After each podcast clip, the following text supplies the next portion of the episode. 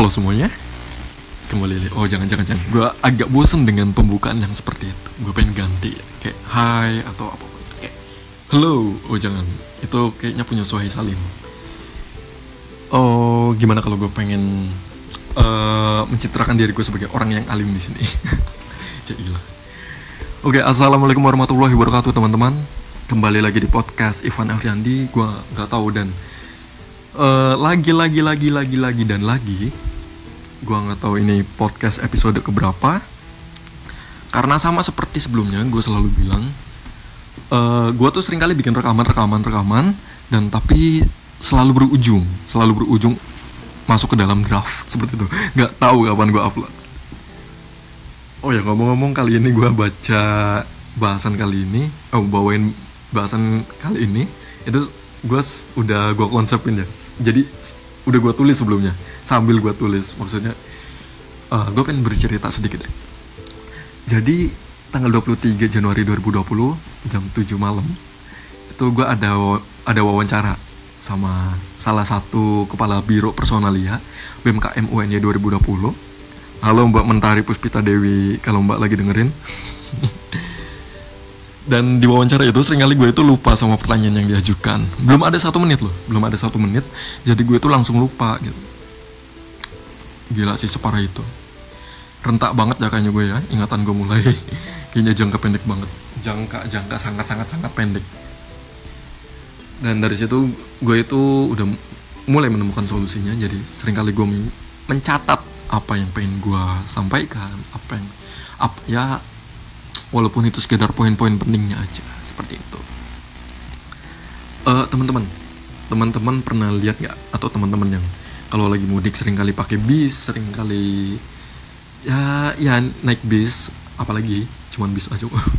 Atau mungkin di jalanan deh kalian pakai mobil pribadi dan kalian ngeliat uh, orang-orang di jalanan kayak pengamen hmm, penjajah apa namanya asongan gitu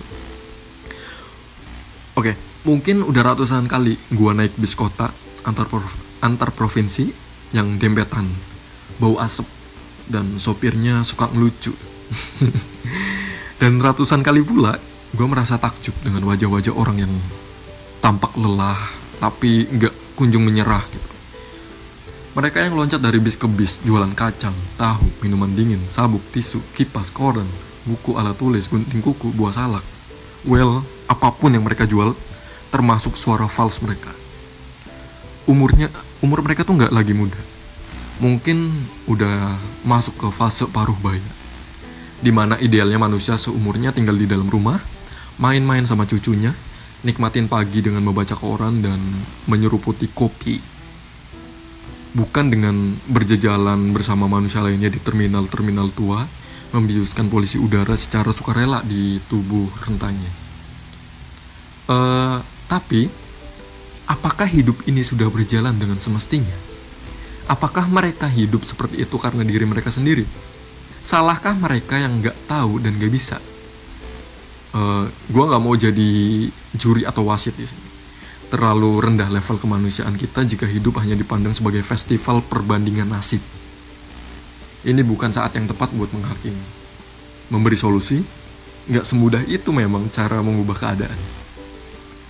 Jadi kira-kira apa yang bisa kita lakukan untuk mereka? Coba deh pandang wajah mereka, lalu perhatikan dengan seksama.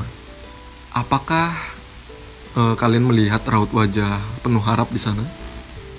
Mulutnya sudah terbiasa merapal mantra pemasaran ala terminal.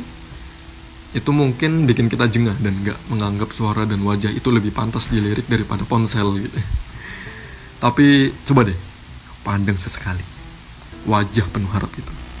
Harapan yang kalian lihat bukanlah harapan yang membuat seseorang harus dikorupsi, menebar politik uang, merampok, atau menggadaikan kehormatan diri untuk mewujudkannya. Harapan itu amat biasa, bukan tentang menjadi konglomerat atau pejabat. Mereka hanya berharap bisa menempuh jalan hidup, eh, jalan jihad selayaknya pria sejati, menafkahi keluarganya, buat makan, bertahan hidup, atau memberi anaknya ruang untuk bercita-cita. Cuman itu. besarkan harapan mereka dengan membeli penawarannya. Kalau nggak butuh, kamu bisa memberikannya lagi pada orang lain.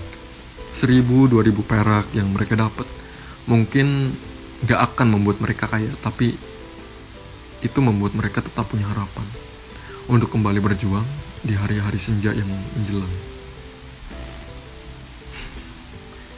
Dan itu dia manusia dan keunikannya. pendek banget episode kali ini. Tapi nggak pendek dari episode yang sebelumnya deh kayak. Oke, jadi udah paham ya. Dan terima kasih.